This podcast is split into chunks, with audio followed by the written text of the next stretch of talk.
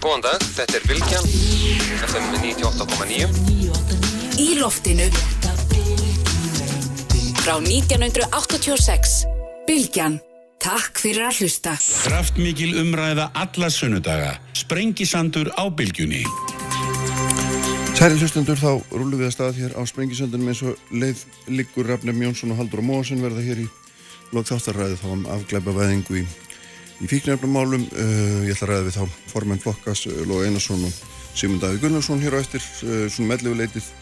Uh, Kristrún Heimistóttir verður hér hjá mér líka segir frá nýri grein sem hún skrifaði í tímaritt lagfræðinga um stjórnarskrarmálið þar sem hún hérna gefur því ferli öllu hreina fallengun og hérna, en ég ætla að byrja aðeins á vettfangi helbriðismáluna, Þór, Þórarin Guðnarsson formaði Læknafélags Reykjavíkur er hérna hjá mér velkomin Þórarin og Sonja Þorpestóttir sem er formaði BSB er í síman og sælublessu Sonja. Góðan daginn.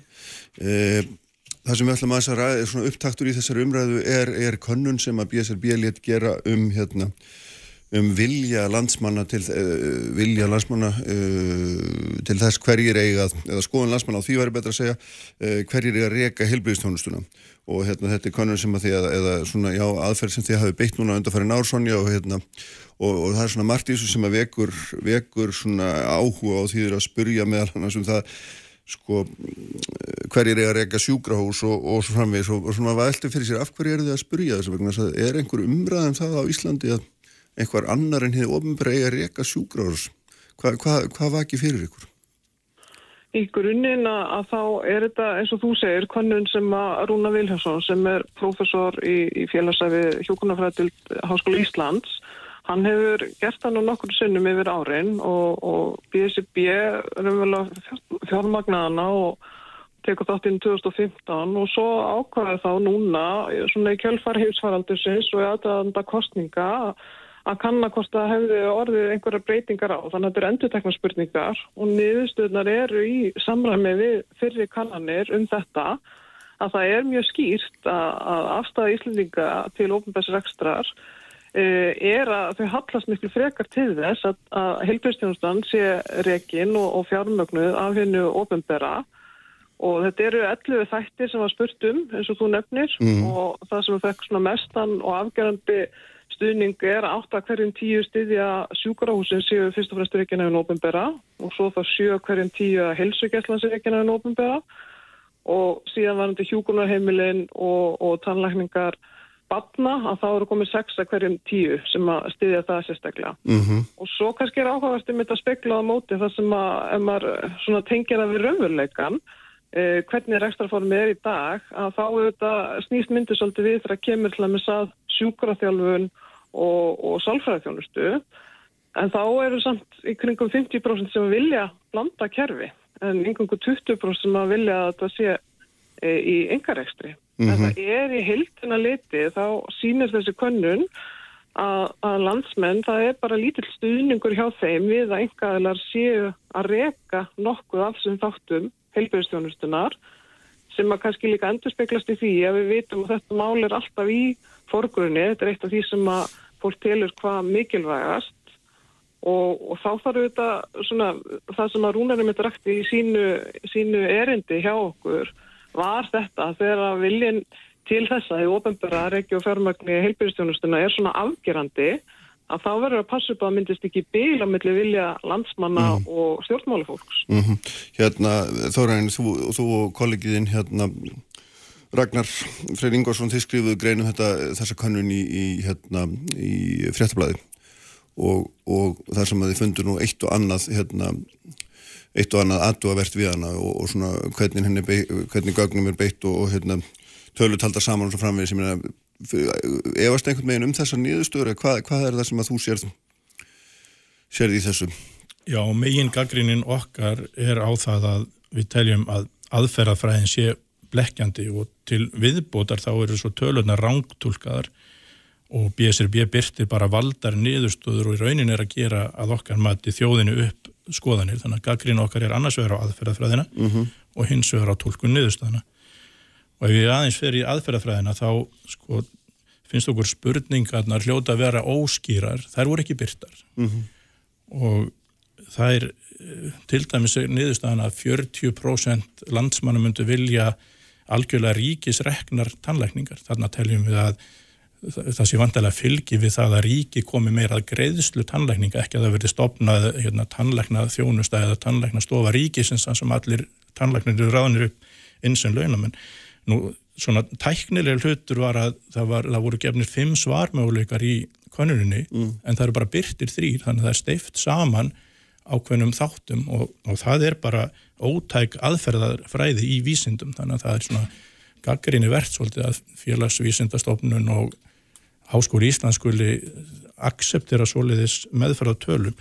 Þetta voru náttúrulega ekki nema 840 þáttangundur og svörunum var ekki nema 43%. Þannig að maður veldi fyrir sig hvað með hinn 57% sem svöruð ekki, hvað vilja þeir. Og þetta er svona veikleikar í þessu. Ehm, nú, við teljum að það hljóta þurfa að spurja ná, miklu skýrar hvort að það er verið að ræða um hvort að ríki reki þjónustuna eða hvort að ríki greiðana og það er bara ekki nógu gott í þessari könnun og eh, Sonja nefndi að þau, þau hafa tekið þátt í þessu BSRB í nokkur ár. Og Rúnar hefur gert þessar rannsóknir lengur og því miður hafa þessar sömu villur verið gerðar aftur og aftur og það hefur verið bent á þeir áður.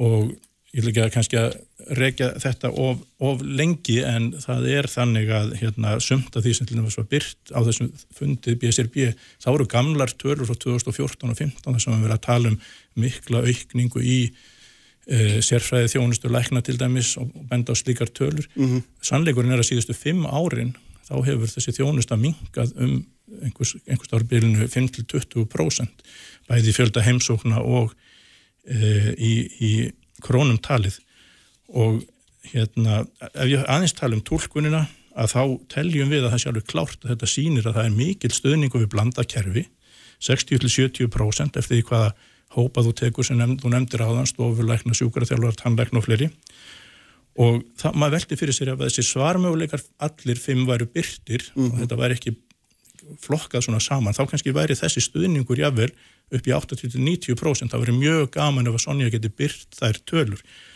og Rúnar sjálfur reyndar í sínu erindi sem var ágætt að mörgu leiti mm. að það, hann, hann tók það ítrekka fram að, að það er mikil stuðningur meðal þeirra sem taka þátt í konuninu við þetta blandað íslenska kerfi sem hefur verið við líði hérna í 110 ár mm. og virkað mjög vel fyrir okkur.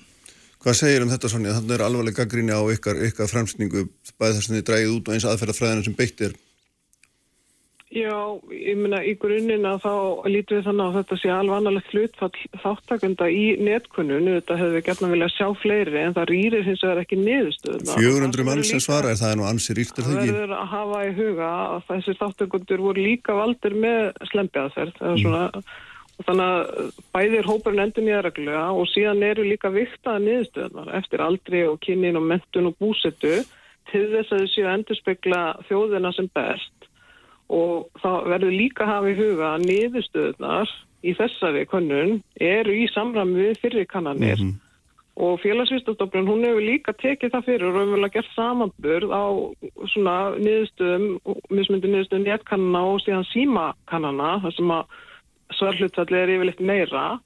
Og þau tellja að þetta tryggir svona sambarlega niðurstöðu og svo eru kannski líka að við huga háar heimtir og það tryggja kannski ekki alltaf allt sko. Þú veist, það getur verið einn hópur sem er að bjaga niðurstöðunar af því hann er að svara illa og svo framvegis. Mm -hmm. En ég mitt að því að vera að halda því fram að, að, hérna, að það sé svona e, vera að fara rand með niðurstöðunar að þá er mitt voru við að skoða útreikningana hjá þeim og þá er mitt að samanskapi á lítið þannig að það sé aðeins að vera að snúa upp á þetta og leggja saman prósendu þeirra sem að stiðja blandakerfið og engareksturinn og þau segja að það sé summan við blandaðkerfi og það er ekki alltaf lagt rétt saman og það er líka... Í, í hvað ertu nákvæmlega vitna núna?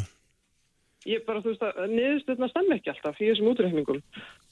Hjá, hjá hverjum þá? Hjá, hérna, Aragnari og... og, og já, já, í, í þeirra greinsarsat. Já. Já. En það er kannski líka það sem að við teljum að blasa við í þessu er að hún, rannsóknin stiði áframand ofnbjörgrekstri og það sem við erum vel að kalla eftir aukinni félagsvæðingu en ekki engavæðingu þegar það kemur að þessum þjónstáttu sem eru fyrst og fremst í engareistri í dag af því það er áhugavert að sjá að það séu bara tæp 10% sem að styðja að læknastofur hjá sérfræðingum séu fyrst og fremst í engareistri eins og raunin er í dag. Og það er líka, verður kannski að horfa til þess að að þeir sem er að gaggrínda eru læknar sem eru í engarækstri í dag á meðan við erum að háskólaprofessor sem hefur helgað starfsæfinni sinni í rannsóknir af þessu tægi og, og síðan eru þá með BSB sem er samtök launafólks sem eru að vinna raunverulega út frá lífsgæðum og með jöfnuða leðaljósi. Þannig að það er alltaf hægt að byrta nánar niðursturur en það breytir ekki heilt að niðurstöðinni. En, en er, er sem sagt markmið BSRB þá að, að, hérna, að þrýsta á um það að þið ofnbæra kerfi verði stækkað á kostnað þess blandaða kerfi sem við erum með í dag? Er, er það sagt ykkar markmið? Ég, mér finnst ekki með að blanda þessu saman. Það er gerð þessi könnun til þess að kanna vilja þjóðarinnar. Já, og hvað ætlið þá að gera með vilja þjóðarinnar? Einhvers, til einhvers lítur kannunin að vera gerð, er það ekki? Sem er tiltekna stefnu mótun Já, og hún auðvitað er bísna skýr en það sem er kannski mikilvægur inn í þessa umræðu, ef við ætlum að taka hann á faglegum nótum, er að vísa til þess, að horfa til þess hvað rannsóknir hafa verið að sína og við vitum að félagslegu kerfin eins og í, í heilbæðstjónustunni þau eru bestiðsfallin að tryggja aðgengi af þjónustunni og þau eru bestiðsfallin að bæta líðhilsu og líka lagstan kostnað fyrir einstaklinga og stjórnvöld. Og þess vegna í kjálfar heimsfaraldurs að þá sjáum við alveg hvernig þetta gekk hjá þeim löndum sem eru með mestu engavæðinguna. Þau komu ekki sérlega vel út og útgjöld til heilbriðsmála þau eru lærri hérna heldur það með sér Svíþjóð og Norri og Danmörku og það hefur verið gaggrín og það hefur orðið viðsnúningur á því hjá núverandi ríkistjórn en þegar að staðan er svo að það er búið að vera verulegt fjársvelti og vanfjármögnun til margra ára, sérstaklega í kjölfar efnarsunsins, þá eru þetta svona á brattan að sækja. já, við skulum hleypa þorrarni að það er margt hérna, sem þarna kom fram þorrarinn hérna, Já, já, það er náttúrulega aðtiklisvert að Sonja nefnir bæði hérna, heimsfaraldurinn og þetta með þessi opinberu kerfi sem standi sér betur og við erum bara alveg sammála því. Það er engin vafi á því, það er engin að byggja hér um eitthvað bandaríst kerfi. Við erum einfallega að tala um það að þetta blandað íslenska kerfi er mjög gott og það er staðfest í rannsóknum, það er staðfest í þjónustu konunum þar sem að 98% sjúklingan okkar til dæmis sem koma stofur ánæðir. Það er grein í virtu tímariti, landsett, lækna tímariti sem sýnir að Ísland trónir á efsta, í efsta sætinu með verðandi aðgengi og, og gæði í heilbriðistjónustinni yfir leitt og stór hluti af því eru þetta aðgengileiki að sérfræðilegnum og við teljum okkur nefnilega vera hluta af ofinbæra kerfinu og það er eitt sem að mér finnst að við Sonja þurfum kannski bara hittast og fara yfir að við kynnum fyrir þér Sonja hvernig okkar starfsemi er. Við, við erum fjármögnuð af ríkinu og við lítum á okkur sem hluta af hennu ofinbæra heilbriðiskerfi, við erum reyndar ekki ríkisreikin en það breytir ekki því að við erum fjármögnuð af hennu ofinbæra sjúkratringum Íslands og undingumast náttúrulega gæða við með og annað þar og kröfur og erum hluta á ofnbæri kerfinu og okkur leiðist í sjálfu sér þetta að það sé sífælt verið að búa til einhverjar grílur úr okkur, nefna okkur enga rekstur og eitthvað slíkt þegar við erum bara hluta af þessu kerfi sem er að virka vel fyrir landsmenn og landsmennum og sjúklingunum er bara nokk sama hver er ekkur kerfið. Ef það er bara góð þjónusta og hún er á hóflegu verði og það má þá segja það að þessi þjónusta okkar á stofunum er mjög ódýr líka. Þetta er um 500.000 komur, tæplega reynda núna því að þjónustan hefur verið að minga, það hefur verið niðurskurður á henni og aukning í heilsugjastluna og aukningin á spítalana. Reyndar kom skísla frá McKinsey eh, sem heilbreyðisræðandi lit gera í oktober þar sem var gaggrínt að þessi fjár aukning inn í ríkisrekna kerfið hafði ekki skilað sér mikið aukinni þjónustu til sjúklingana.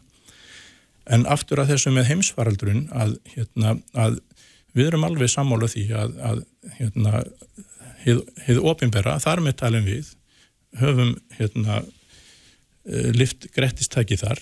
Eh, Við heldum opni hjá okkur stofunum í miklum erfileikum og, og hérna, gerðum það bara nokkuð vel og hindruðum að mynduðust langir bygglistar.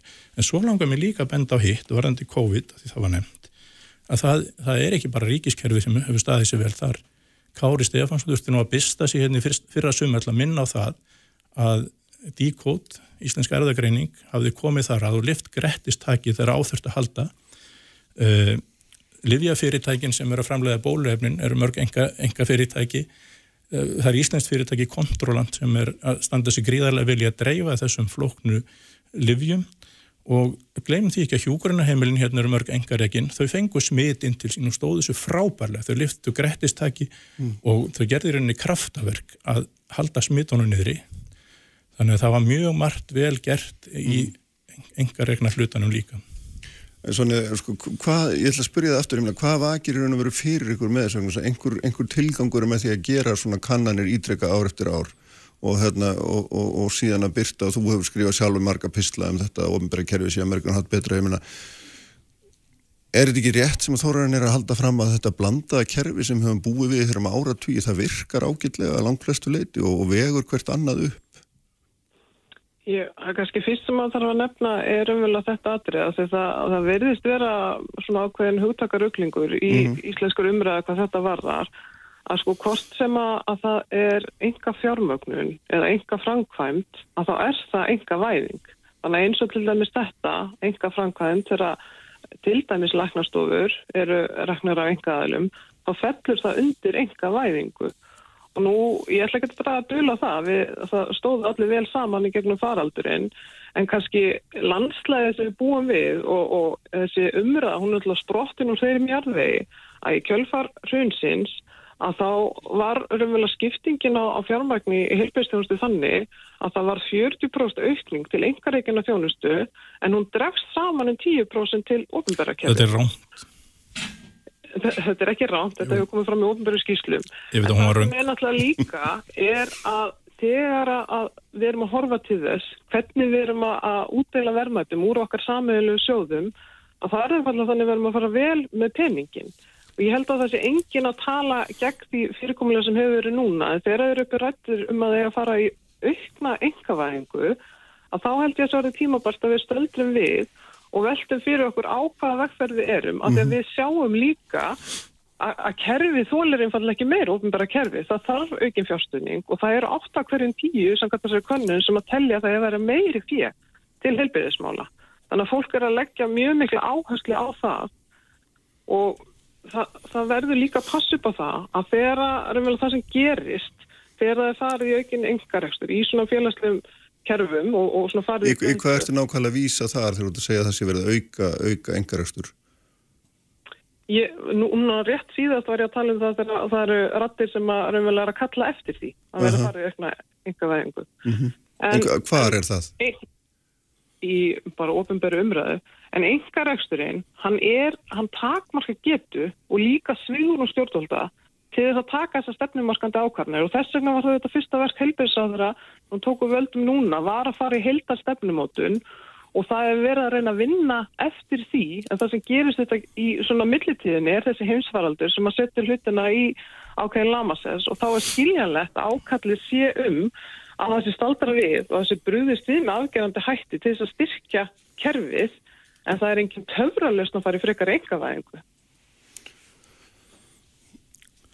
Já, þarna, ég veit ekki með að því að það er verið að tala um að hugtökum sé ruggla saman, sko, enga væðing er þegar að ríkið á eitthvað og selur það til enga aðila, það skil ég allavega sem enga væðingu. Enga rekstur getur verið undir merkjum einstaklinga, ríkið getur auðvitað borgað fyrir þjónustuna eins og það gerir, er það ekki, ég myndi skilja þetta svona, er, er þetta ekki rátt með réttið mér eða hvað?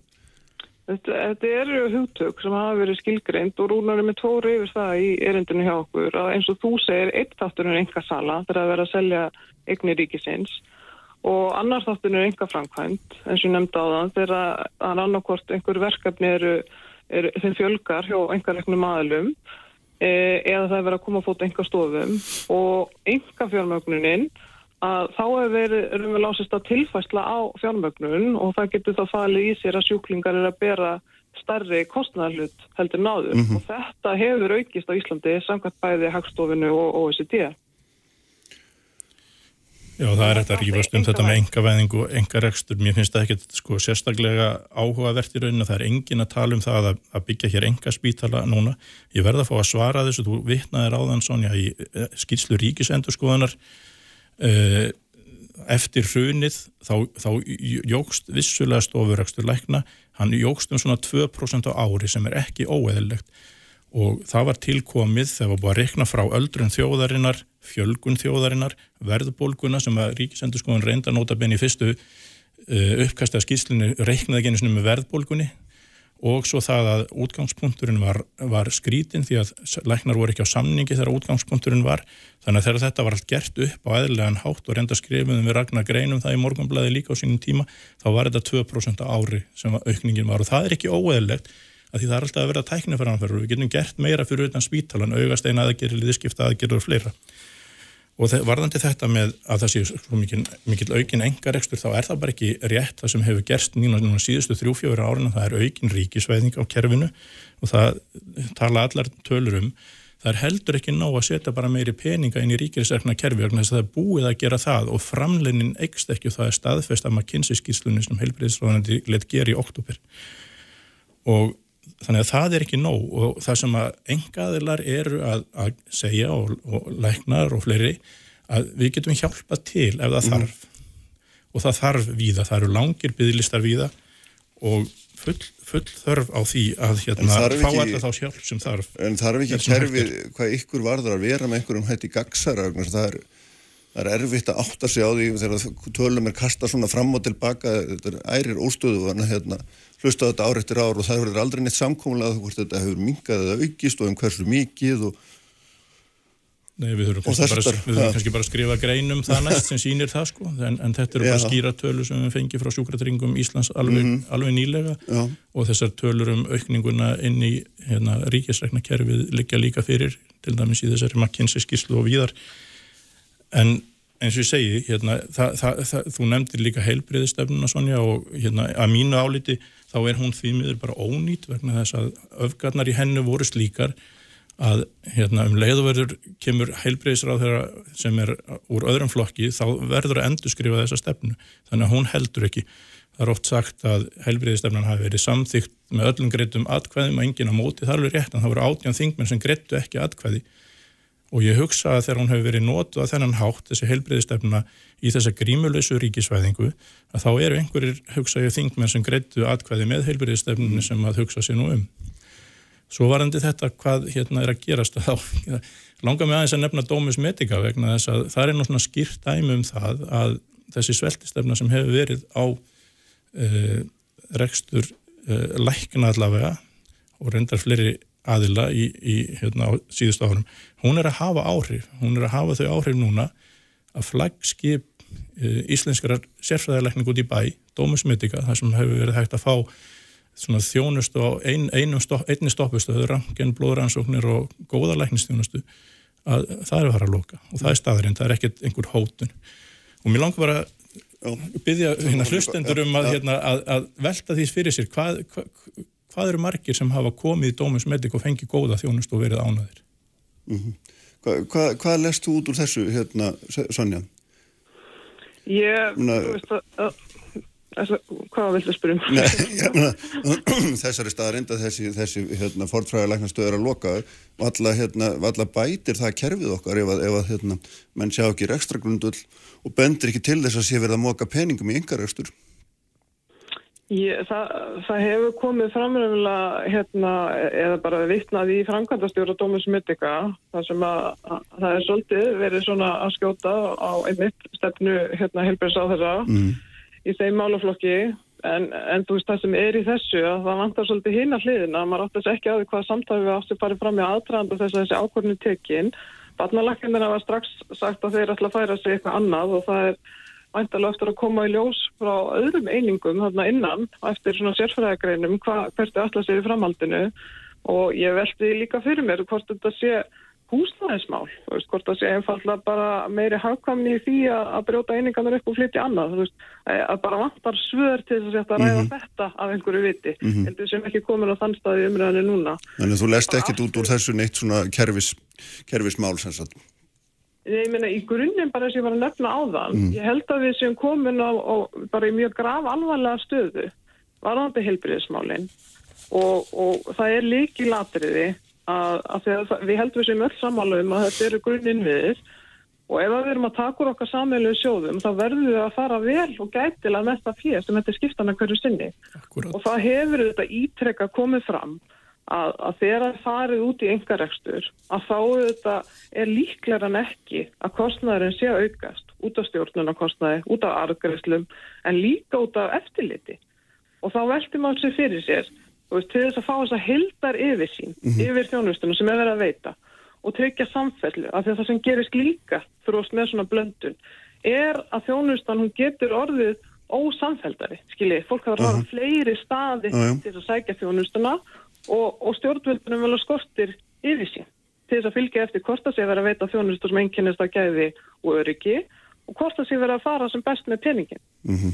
Hérna, við þurfum að ljúka þóran östut bara í lókin. Já, bara þetta með stjórnunarkostnunum, þetta er bara rangt, ég skal bara bjóða þið Sonja til okkur upp í læknasettur, þar erum við með sko gríðarlega þjónustu, 80.000 heimsum hér á ári og það er eitt og hálft stöð, stöðugild á skrifstofunni, þannig að þetta með stjórnunarkostnunum er bara að vera veitn í erlendar tölur og þetta er bara rangt í raunveruleikanum hér á Íslandi. og varandi eftirlitskostnaðin þá hlýtur að þurfa eftirlit líka með henni ofnböru þjónustu eða henni ríkisregnu þjónustu. Þannig að hérna, ég segi ekki akkur ætti að, að vera léleira eftirlit með, með henni en ég held að ég geti verið alveg tekið undir með Sonju að, hérna, og reyndar þeirra könnun að það vantar aðeins meiri peninga inn í kerfið en það þarf líka að fara vel með þá og kaupa þjónustuna þar sem það er örugt að þú ferði eitthvað valjú fyrir peningin Ljómandi, við skulum hérna, takk fyrir að vera með okkur Sonja og Þóraðin, takk fyrir að koma hérna í hljóðvarið. Ég er að heyra það að við um hérna heilmart órækt í þessum málaflokki áfram. Takk fyrir mig. Kristrún Heimistóttir verður hérna, takk Sonja, og Kristrún Heimistóttir verður hérna hjá mér eftir augnablik, þá ætlum við að fjalla um stjórnarskrármáli frá því á árunum eftir hrun. Sprengisandur. Alla sunnudaga á bylgjunni. Sprengisandur. Alla sunnudaga á bylgjunni. Sæli hættulustendur, þau eru farin fram með Þóraðin Guðnarsson og Sonja Þorbergsdóttir, svo eru hér vantalegi Sigmundur Davíð Guðnarsson og Logi Einarsson, þau verða hér líka Haldur á Móhansen og Rafn M. Jónsson, en sestir hjá mér Kristrún Heimistóttir Lögfræðingur, sæla blessuð, velkomin. Takk, sæl. Eh, Þú skrifaðir grein í tímaritt lagfræðinga mjög ítalega og vel rökst út að grein um stjórnarskrármálið. Mm. Mál sem að hérna svona var mest í deglunni og segja 2009-13 eitthvað svona cirka á því árabilinu. Og maður svona hérna og margt um það fjallaði þetta og síðast náttúrulega hérna bara krafan um nýja stjórnarskró, hvað er nýja stjórnarskró alltaf síðast. Og hérna, en mér langar bara, ef ekki bara aðeins að byrja, af hverju ertu að stinga þið nú hann í þennan bit hérna, hvað er, hvað er ekkur til að skrifa um þetta mál núna? Það sem, það, sem ger, það sem var ástæðan fyrir því að ég settist niður og skrifaði þessa grein sem var mikil vinna, svo þess að sagt, þetta er mjög flókið mál Já. og ég, það sem ég ger er það að ég fyrir gegnum öll þingskjölin rek þetta allt saman, rek máli frá upphafi til enda. Og þetta er mikil flækja og þetta er svo mikil flækja að, að svona, minna þó ég sé með embætsprófi lögfræði og, og hafi unnið í, stjórnmálum og, og sumuleiti þekki þetta innanfrá og, og hafi og sé sem sagt kennari í lögfræði líka og framvegis að þá samt sem að var þetta gífurlega vinna fyrir mig að greiða úr allir þeirri flækju sem að til dæmis byrtist á vefa alþingis sem mm -hmm. þetta mál, en þess að málið málið fóri svo margar áttir og, og það er ákvæmlega ógjagsætt fyrir fólk sem vil kynna sér það og skilja það til dæmis að fara nú vefsíðu alþingis, alþingi þarf að gjör breyta því hvernig þið sagt, svona útskýra málið fyrir Já, þeim sem að vilja, já. vilja fræðast Og þá kannski komum við að ástæðanu fyrir því að ég settist niður og, og hérna, þetta er miklum tíma ég að gera þetta og það er enginn sem borgar mig fyrir það. Að það er að í síðustu svona, síðustu svona bylgju umræðanur um þetta, þá átti ég nokkuð mörg samtöl við úlinga, krakka sem ég þekki, sem voru mjög innlifið í þetta mál. Og þau voru búin að fyllast sannfæringum það að Ísland væri ónýtt land, uh, hérna, við værum byggjum við ömurlega stjórnvöld sem að réðu ekki við neitt sem væri alvöru. Þau væru svo spilt að þau neituðu að hérna, lögfesta stjórnaskrá sem lægi fyrir skýr sem að allir hérna, gætu vita hvernig væri og sem væri svo góð að hún myndi bjarga eiginlega flestum vandamálum heimsins þar á meðal umhverfisvanni og, og öllu mögulegu öðru. Og þetta var orðin bara þá er eiginlega þessi samtöl við svona 15, 16, 17 ára krakka sem að ég bara þekkir í vinnu mínir og í kringum mig og ættingjar svona þess sem að bara eitthvað neginn vöktu mig til umhersunum það að þetta bara ég gæti ekkit þagað yfir því sem að ég mér langaði til bara að segja þeim það sem að við gætum ekki afgrætti í klukkutíma samtali -hmm. og hérna og þess vegna er greinu skrifið hún er skrifið eiginlega svona inn í hún er ekki skrifið inn í núið í þeim skilningi, þetta er ekki politist innleg eða útspil, þetta er bara þetta er greining á þessu máli og lýsing á því að það eru raunverulegar lögfræðilegar og stjórnskipulegar líðræðislegar ástæður fyrir því að þessi stjórnarskrá muni aldrei taka gildi. Og það eru bara ástæður sem hafa að gera með vestrænt hérna, stjórnarskrárbundi líðræði sem er það sem við Íslendingar erum svo heppin að búa við okkur segja heppin, vegna það hefur enginn fundið upp betra stjórnaform en þá og það sem hefur það- 2000 og kjálfar hrunsins var óskaplega svona bylgja hugmynda til dæmis um það að samfélagsmiðlar væri svakalega gott líðræðistæki. Ef við förum tilbaka þau sem muna þetta, þá getur við alveg rifjað það upp að það var óbæslega fólk trúið því að þetta væri Facebook væri stásalegt líðræðistæki. En hver stöndu við núna þegar við erum búin að horfa á árás á, á þinghúsi í, í Washington og, og allt það sem hefur gerst? Það, það, við bara, fjármálakreppur eru þess eðlis að það sem það leiða til er upplöst stjórnmála. Og það er bara söguleg staðrind og það sem að gerist er það að, að, að, að það verður uppbrott og hérna og við þekkjum það í, í kringum okkur. Við höfum bara, við höfum upplifað ógnir við þetta frjálslenda líðræði í okkar heimsluta bara, já, okkar heimsluta með stórfjöldum hætti og ég til dæmis nefni bara Ungveraland sem ég fjallaði þess um í, í greininni og vegna þess að það voru þrjú lönd sem fóru fyrst allra landa til allþjóða gældriðsvonsins, það voru Ungverland, Ísland og Írland. Öll þessi ríki fóru út í konar svona stjórnarskrárbreytingar tímarlöst lang, lang, lang, lang neikvæðast og, og ve- verst það sem gerst hefur í Ungverlandi. Það sem er rauninni orð komið upp einsflokkskerfi, það sem að hérna, flokkur Viktors Urban hefur bæði tókst með einum kostningasýri, bara einum kostningasýri, að gjör breyta stjórnanfari í landinu og yfirtekum er að segja stjórnlega domstólinn sjálfan. Og hérna á Írlandi hins vegar að fara miklu hóvarari leið. Og á Írlandi hefur raunverulega áhrifin, ég þekki svolítið Írlandi því ég var þar í námi, ég var hérna, heimsbygginámi í Kork í, hérna, á Írlandi, University College Cork sínum tíma. Og þar nefnilega fór miklu hóvarari aðferðast heldur en við gerum hér á Íslandi til dæmis. Og hún er eiginlega skilaði raunverulegum áhrifum til dæmis hefur haft mikil áhrif á það leiftur hjónabátt samkynneira í, í, á Írlandi. Og allt er þetta hluti sem eru skilðir miklu nánar í greininni sem er nú bara nýkomin út, kom bara út í, í fyrradag eða föstudaginn. En sem sagt þetta er ástæðan fyrir því að ég skrifa þessa grein Já. ég hef áhyggjur af þessu máli mér finnst þetta mál vera orðið eins og einhver mara yfir íslensku samfélagi, hún, er, hún, hún spillir íslenskum stjórnmálum -hmm. vegna þess að það er svo mikið af miskilningi og það er svo mikið af upplýsinga svona óreiðu Óriði, já. og það er bara þannig að stjórnarskrá skiptir óbúslega miklu máli. Ef að við hefðum ekki hérna Íslendingar átt menn sem að skildu stjórnarskrármál og, og, stjórnlög hérna á, á fyrir tíð, þá hefðu aldrei alveg sjálfstætt ríki. Það er bara þannig. Það væri miklu eðlilega að Ísland væri eins og Álandsegjar eða Færiðar eða Skosku eigarnar. Það er í raun og veru ótrúlega merkilegt að Ísland skuli yfirleitt hafa tekist að, að verða það sem það er. Að geta setið við borðið í öllum alþjóða hérna, stopnunum nánast og, og, og allir halda við þessu miklu fleiri en við erum. En hvað er ég að segja með þessu? Ég er bara að segja með þessu að það er svo alvarlegt þegar verður ykkur brestur í því hvernig við skiljum okkur einn stjórnlög. Þannig að eina vörnin og eina fórsendan sem við höfum til þess að standa okkur sem, sem þjóðum er þjóða er að hafa hugsa, góða hugsun á þessu sviði. Já, en er, í raunum verður þetta þannig ef ég lest það rétt þetta nú löng og, og mikil greina margt í henni en það sem þú ert svona að segja ef maður getur einfalda það hérna, sér það að, að, að, þessi stjórnarskráð sem við búum við núna hún stóðst allar þá árun sem að hún varð fyrir hún, Ekki nokkuð vafi á því. já, hún hérna held okkur uh, sem fullvalda ríki hún hérna heimilu okkur að setja neyðalög og, Já. og loka landinu með gældrisöftum og svo framvegs og svo framvegs og þetta funkar allt saman vel Já. og, að- og þeirri, að því þá dregi það álættun að, þú setja sömu á sama tíma þegar skoðunar að þessi, svona, þessi hugmyndum með einhvers konar umbyltingu Mhm. hafi bara verið hérna, byggða á raungum fórsendum.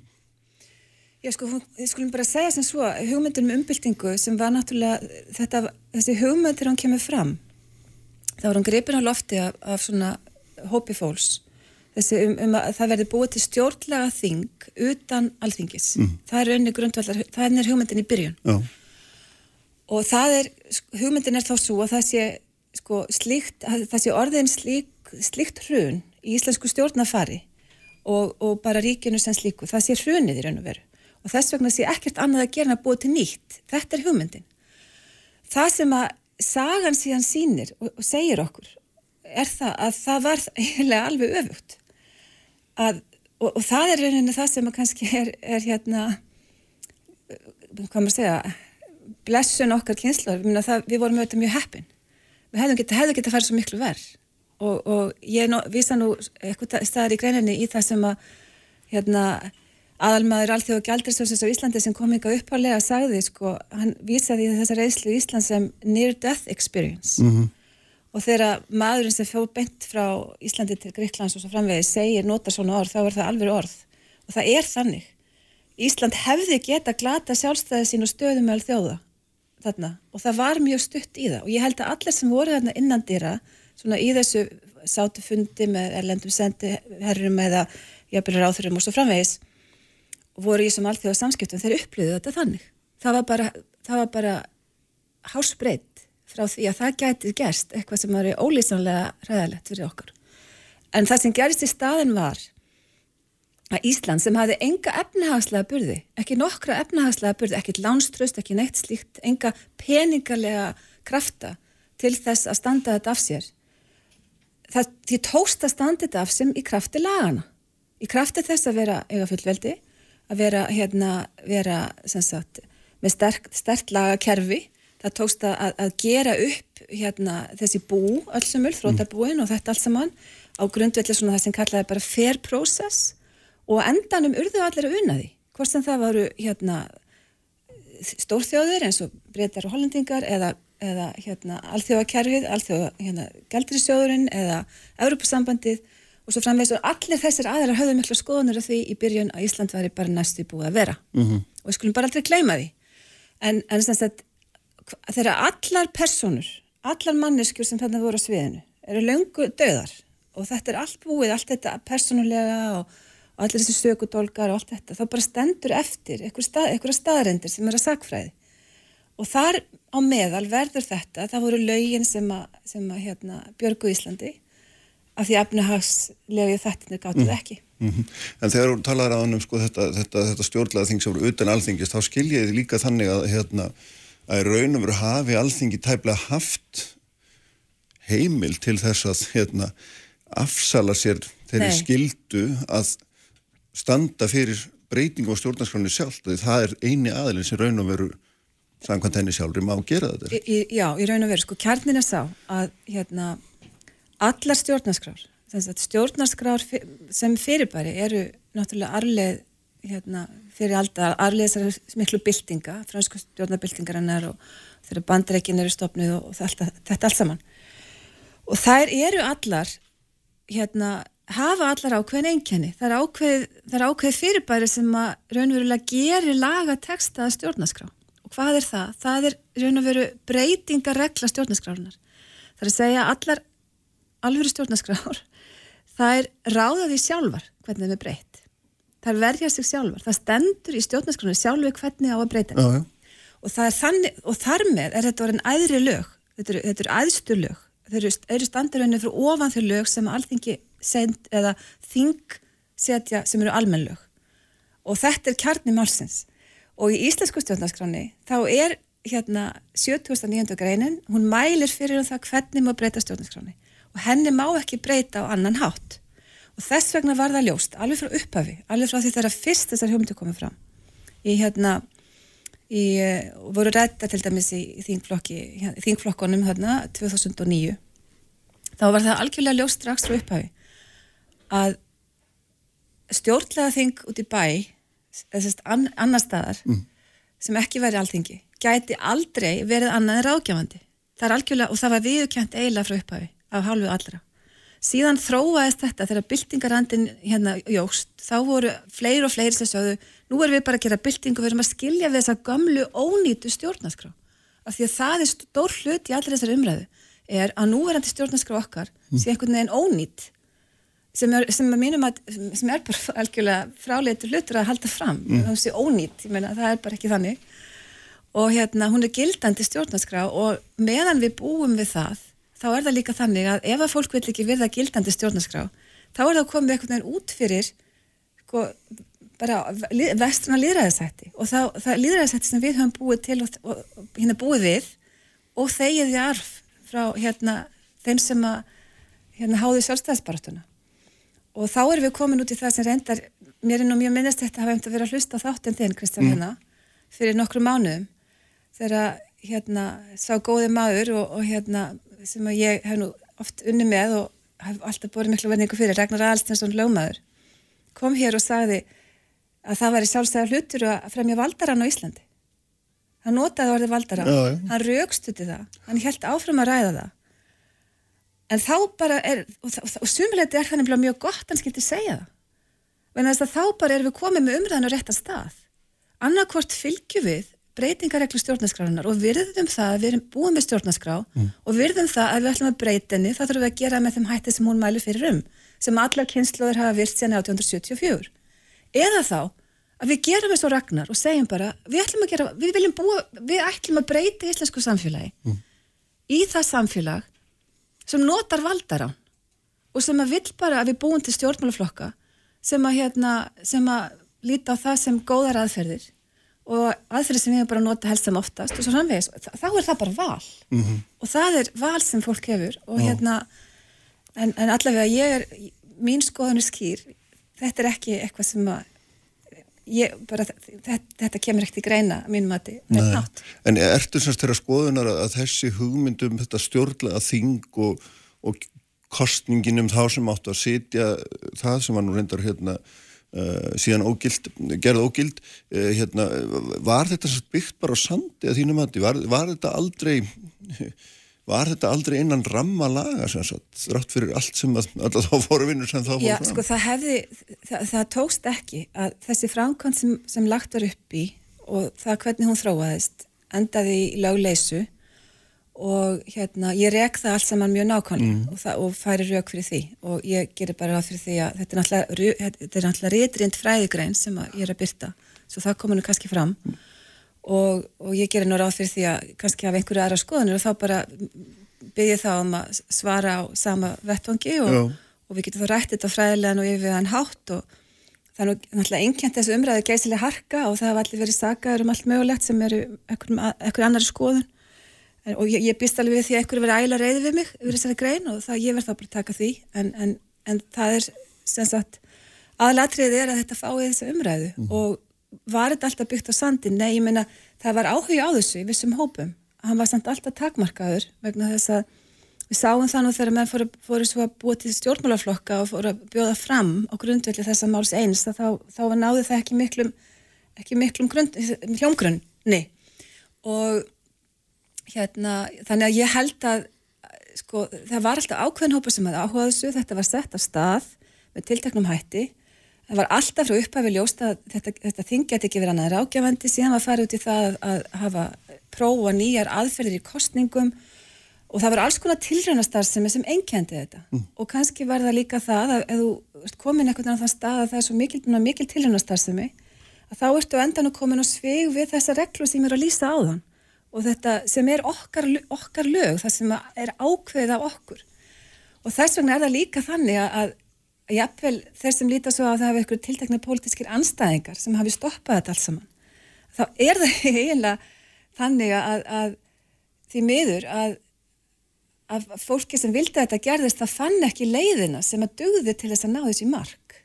Og það á viðum svo marka þetta, það er náttúrulega þessi þegar maður rínir í það að í hæstiréttur ógildir kostinguna þá verður það mín niðurstað ég hafði ekki alveg skoðað það áður sjálf. En þegar ég fór að skoða það þá finnst mér það ekki skrítið og það hefur verið gert. Um, á sama hátt er það að, að hvernig er haldið áfram eftir það þá erum við komin úr til miklar miklar ógöngur. Mm -hmm. og svo er náttúrulega afskaplega sorglegt að, að því að Íslandi höfum við notað þjóðrætkvæðgreðslur og það hefur gengið mjög vel. Það var verið nokkuð margar þjóðrætkvæðgreðslur í Íslands sögunni og þær hafa alltaf sko leitt mál til lykta. En í þessu tilviki þá er í raun og veru atkvæðagreislan um, um það sem kallaði núna ný stjórnaskrá Já. hún mistekst raun og veru gjörsanlega vegna þess að hún, er, hún er ófær um að leiða máli til lykta. Og það er líka svo hættulegt við beint líðræði, ef þú ætlar að nota það þá verður það að vera þannig að það leiði til einhverja niðurstöð mm. og ég held að það sé aldrei veikleiki okkar í Íslandi að við erum að, samband, ef við hugsaum tilbaka og, og metum það hvernig það hefur gengið að beita beinulýraði þá, hefur, þá, þá er það svona skýr útkoma sem er í vissum tilvíkum en í öðrum tilvíkum er bara eitthvað að búa til eiliða þrættu svona eitthvað svona þrættu sem á engan endi Mm. En þetta var náttúrulega eins og lístir áðan og svo sem í mínu minni líka þannig að, að einhver hópar allavega og tölvert hávarir voru þeirra skoðunar að stjórnlega hérna ráðið eins og það hétt á Mhm. endanum en ekki þingið ætti í raun og veru bara að skrifa nýja stjórnarskraf sem að alþingi bara hefði ekkert með að gera og ætti bara í raun og veru að bukka sig að beigja og, og, og þjóðin svo að fá að samþykja í Já og þa þannig er einmitt, kemur eitt veikleikin í þessu öll saman. Þú mötti endur þetta. Það er þessi umræðin það að það með ekki breyta nokkur einasta orði á því sem að, sem að hafi leiði fyrir í, í hérna að hálfur stjórnlegar ás. En raunveruleikin er sá að það, það, það er algjörlega óljóst hvaða plagg það er sem fólk haus um. Það er enginn eitt texti sem að liggur fyrir sem að sé textinn.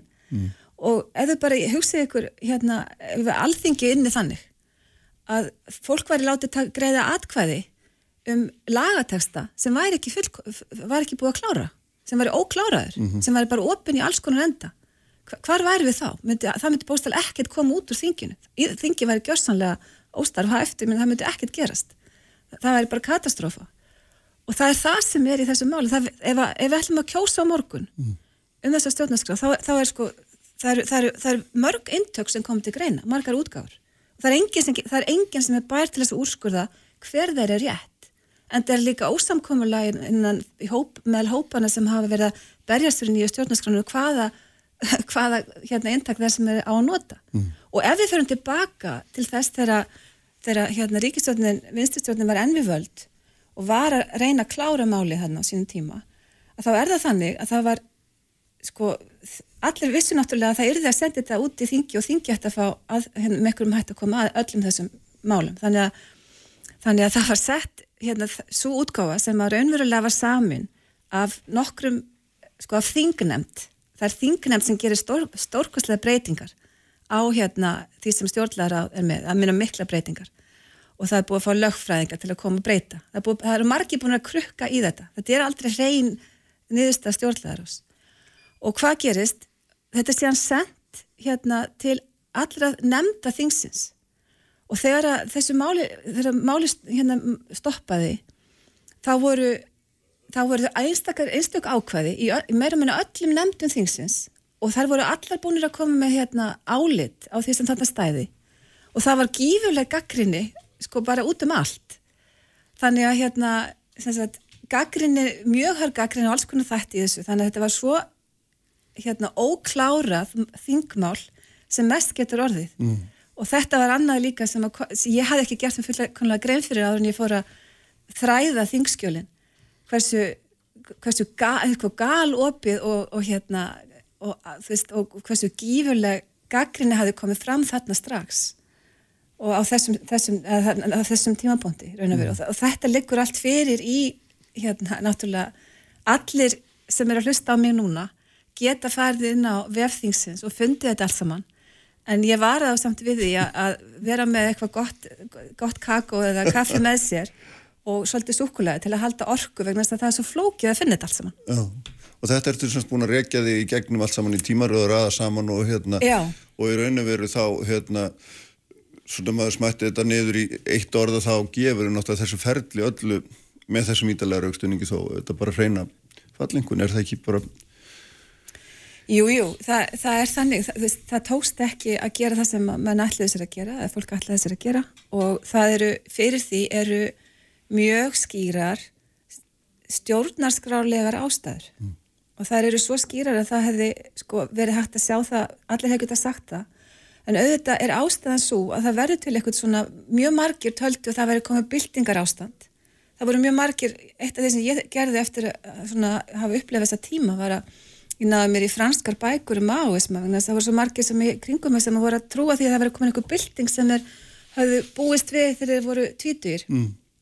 og, og það voru, og svo framvegist það, fólk trúði því margir að það væri komin, komin byltingar ástandið í Íslandu og nú ætti að gera byltingun og breyta öllu og, og það er þarna, þú veist, þaðan er komin alltaf svona kvatin í þessu allir saman og, og svo held ég líka að eins og ég var að segja henni upphafi að þessi, ofurtrúin að það að samfélagsmiðluna verður gott líðræðstæki var náttúrulega svona einhver hugmynd á en þá ok, þá gerum við þetta betur núna með tölvutekninni mm. og þetta dót hérna frá 19. og 18. þetta er bara eitthvað dót og við skulum sleppa því ég held bara að tíminn hafi sko sínt okkur eitthvað allt annað svo ég vísa aftur í, hérna hvernig, hvað gerist í bandaríkjónum og mm. þessar hluti, ég held bara að fólk sé ekki lengur þar að finnast að, að það, sé, það sé með í höndunum betra á stjórnarfar heldur en frjálslind stjórnarskrápundi líðræði sem er það líðræði sem við búum við og sem er algjörlega skýr arleið sjálfstæðispartunar. Og það er náttúrulega í kjarnin í því er eins og þú nefndir upp að það er þetta breytingar ákvæði hvernig þú, Já. að stjórnarskráðan sjálf hverður á um það hvernig þú mátt breytinni og, hérna, og þú getur ekki vikið frá þínum að það Já, og þetta er bara, þetta er kallað temprun valds, þetta er það engin, þetta er, þetta er hugmyndur um það engin, engin ræður öllu og, og stjórnarskráðan bindur alla jæmt, hvort sem það er fórstitt þjóðhöfingi, ríkistjórn, ráþarar minni hluti eða meiri hluti á þingi, það eru allir bundnir þessu ákvæði, alveg sama hvað þeir vilja eða hvað þeim finnst mm. og það er kjarni málsins og það, þannig eru þannig byrðu til það sem heitir stjórnaskrar festa og það sem að, það sem að hérna, skiptir öllu máli fyrir hérna fyrir, fyrir ríki til þess að vera líðræðisríki og það er, það er bara þetta er gullna regla líðræðisríkisins Já, en þannig að það er sko margir svona hafa gegnum þessi tíu árið að svo einmitt kvartaði yfir því hvað er erfitt að breyta stjórnarskroni, þú vorust að fara gegnum tvö þing og, og helst þar hérna vilja menn fá þjóðaræðkvæðagreyslu og þetta er þungur ferill og það er hérna marg flókið einhvern veginn að breyta stöku ákvæðum og svo framvegs mm. en þú veist raun að vera að segja mér en það ekki að þetta sé bara nokkuð heppilegt fyrirkomla Jú, ég er að segja að það fyrir því séu mjög miklar ástæður. Og, og Ungverðarland er nefnilega svo rosalega gott dæmið það af hverju, þetta, svo, af hverju það er erfitt að breyta stjórnarskrám. Svo ég fer nú yfir það í greininu samanbyrða alls konar hvernig þetta er mismunandi í mismunandi löndum og það eru alltaf menningar munur og svo framvegis. En allstað er erfitt að breyta stjórnarskrám. Og það er algjörlega, það er, það er enginn sem efast um að það eigi að vera það. Og hvað gerist í Ungurlandi það, það sem gerist í Ungurlandi þá er raun og veru er, það, það ísuna bylgja þar og, það, og þá tekst af, með, með sagt, í einum kostningum það er bara, það er, það er eitt kostningasegur sem gefur þessum flokki sem nær einum svona stórsigri öll þessi völd þannig að hann hefur gert Viktor Orbán og flokkur hans mm -hmm. hefur gert allar þessar breytingar í Ungurlandi án þess að það sagt, með, með lögum er svo maður að segja Já að því að það er einfalt að breyta stjórnarskrona eða þú hefur einfalt að meiri hluta á já, þinginu. Já, hún, hann, það, var, það var svo opið að hún tókst að gera það. Það er raun og verið þannig. Og það er þetta sem að, hérna, þetta er það sem að menn hafa lært af, hérna, og ekki, minna, horfum til Þískalands, við skulum bara fara í þá stjórnarskrona sem er kannski nútímalegust og skiptir mestu máli ef maður, hugsa, ef maður er að hugsa um þetta sem núinu af því að það er náttúrulega mótu stjórnarskrá til þess að aldrei gerist aftur það sem gerist í þriðaríkinu aldrei gerist aftur að það nái fasistar og nazistar yfirhönd og, og, og þá, veist, þetta er það sem að, hérna, til þess eru stjórnarskrár mm.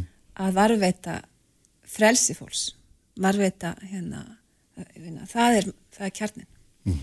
Ljómandi Kristún, hérna, ég held við segjum að mér á eftir efnir núna en hérna, hvert fólk til að lesa þessa grein í tímaröndi lögfræðinga, hún er hérna mjög svo fróðlega verður að segjast um þetta mál allt saman.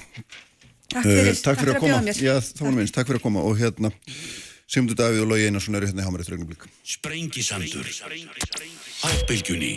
Sprengisandur á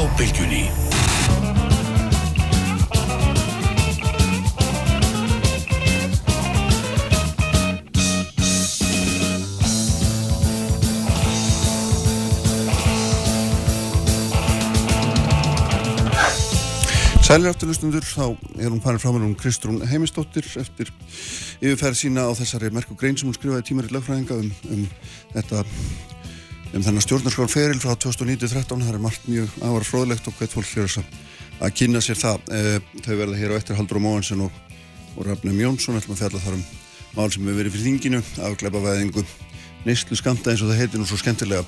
En hjá mér er sesti Sigmundur Daví Gunnarsson og Lógi Einarsson flokksforminn báðir miðflokks og samflingar velkomnir Takk fyrir. Báðir hressir eftir gærdaginn veit ég vegna þess að þið voru báðir með hérna, þing, flokksþing og, og þarna hvaða nú hitt og, hérna, og voru svona að leggja línunar en mér langar nú samt aðeins svona til þess að tæpa einu máli með ykkur vegna sem ég eftir svo frólægt hérna og það er, það er sagt, þessi mikla stefnubreitinglögi sem er að verða hjá eða er orðin hjá jafnaðamönnum í Danmörk vegna sem við höfum nú svo sem hort í, í þessum útlendingamálum, hærisleitundamálum og framvis, innflytundamálum almennt. Við höfum náttúrulega hort til Norrlandana jafnaðamann engum og sér að legi gegnum ára tíuna, þeir hafa verið frjálslindir og opnir og hérna. En nú einhvern veginn segja danskir jafnaðabærum að hinga ekki lengra, nú viljum við ekki fleiri nú þurfum við að hérna, stilla fjöldan og helst að hérna, geima fólki í flóstamannabúðum bara nýri Afriku og og handla með þeirra mál þar. Minna, þetta, er þetta jafnaðamennska sem að þú skrifur undir? Nei, þetta er það ekki og ég hef í rauninni verið alveg skýr gagvart metti, ég hef rætt þetta tviðsvar við hana sko, mm -hmm. þess og, og hérna ég er mjög hissa á þessu og mér finnst þetta hálfa óhugulegt. Eh, í fyrsta lagi náttúrulega sko þegar að skoðað er yfirleitt yfir hvernig Norðurlöndin standa og hafa staðið sig þá kemur þetta líka óvart vegna þess að Danir standa norðmunum og svíjum langt að baki þegar kemur að þessu máluflokki. Mm -hmm. Sko þannig er um að ræða uh, ákvörðun sem er greinilega pólitísk strategía þar sem að á að reyna að ná atkvæðum frá danska, danska fólkapartíðinu sko. Og það tókst að einhverju leiti nema það að, að jafnaða menn mistu náttúrulega tölverta að fylgi líka. Þannig að þeir stóðu nú í stað millir kostninga en það færðist þá til flokkana lengra til vinstri þannig að rauðablokkin stækkaði sjálfur sér. Ég hins vegar var að auðvitað við því að fólk verði svo kalkulerað að það sé að uh, endur skilgreina línuna sem er dregin í sandin bara til þess að afla sér styrks mm -hmm. og atkvæða mm -hmm. en þess að það verður ekki hægt að draga þetta tilbaka. Mm -hmm. Ég ætla nú bara að ganga svo langt að segja að ég bara fordæmi danska jafnaða með fyrir þetta. Og það er bara alveg þennig, já og þannig að þú skrifar alls ekkert undir þessi rauk þegar um að þarna sé verið að hérna, bregðast við vanda sem er orðin samfélagið hérna ráð ekki lengur við innflytjanströmin og hérna, þurfi bara Vi, grípa, til, að, grípa til sko rástafana. Sko, við þurfum auðvitað að hafa bara mjög skýra reglur og, og við þurfum að hafa svona auðvitað skilvirt kerfi sem að hérna, gera það verkum að, að, að fólk fær auðvitað uh, sómasamlega meðhöndlun en uh, löndin auðvitað þurfa að hafa einhverju takmörk á því hvað þið taka og hvað þið taka ekki og geta og geta ekki. En hins vegar þessar aðferðið sem að þau eru að beita núna eru þetta bara út yfir allt veldsæmi. Í fyrsta lagi náttúrulega verið að senda núna eh, fólk til Sýrlands og halda því fram að það sé orðið örugt land.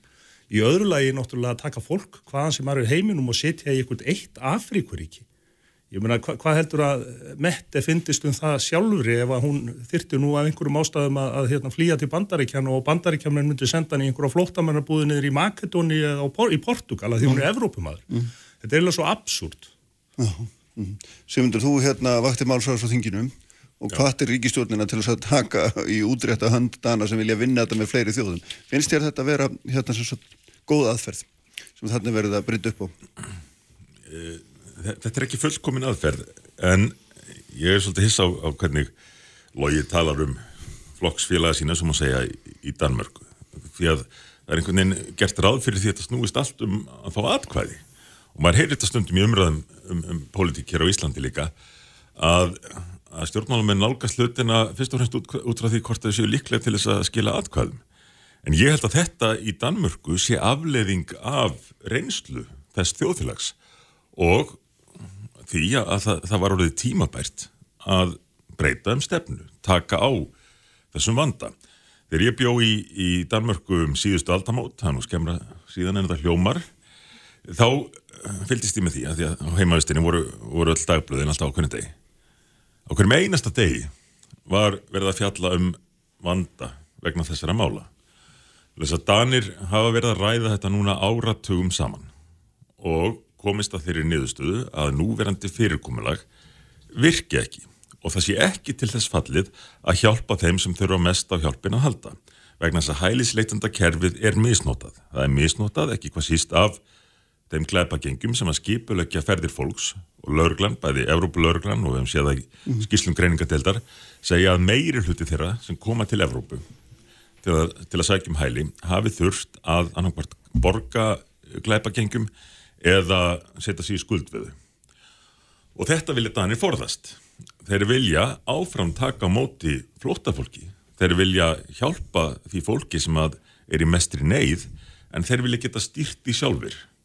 Ekki missa stjórn á hlutunum eins og við höfum gert í miður hér á Íslandi það sem eru nú þegar komnar sexfalt fleiri En finnst, þér þá sem sagt að hérna, sá sem að eigðir síðustu öðrunum sínum í að reyna að bjarga sér yfir hafið og hérna, komast í örugt skjóla hann í þá að bera hallan af þessu og, og, og bara vísa hann í burtu af því að hann er hérna hefur keift far hjá að meina, ýta- hvernig, hvernig, já, já, það, það á ekki að íta undir það að glæpagengi sem að beinlinis selja þessar ferðir, það eru auðlistar á Facebook og, og með dreifum viðum á götuhornum, það á ekki íta undir það að þau geti selt þessar, hæ, þessa hættulegu aðferð að senda fólk uh, yfir miðjarðarhafið á, á einhverjum fleitum.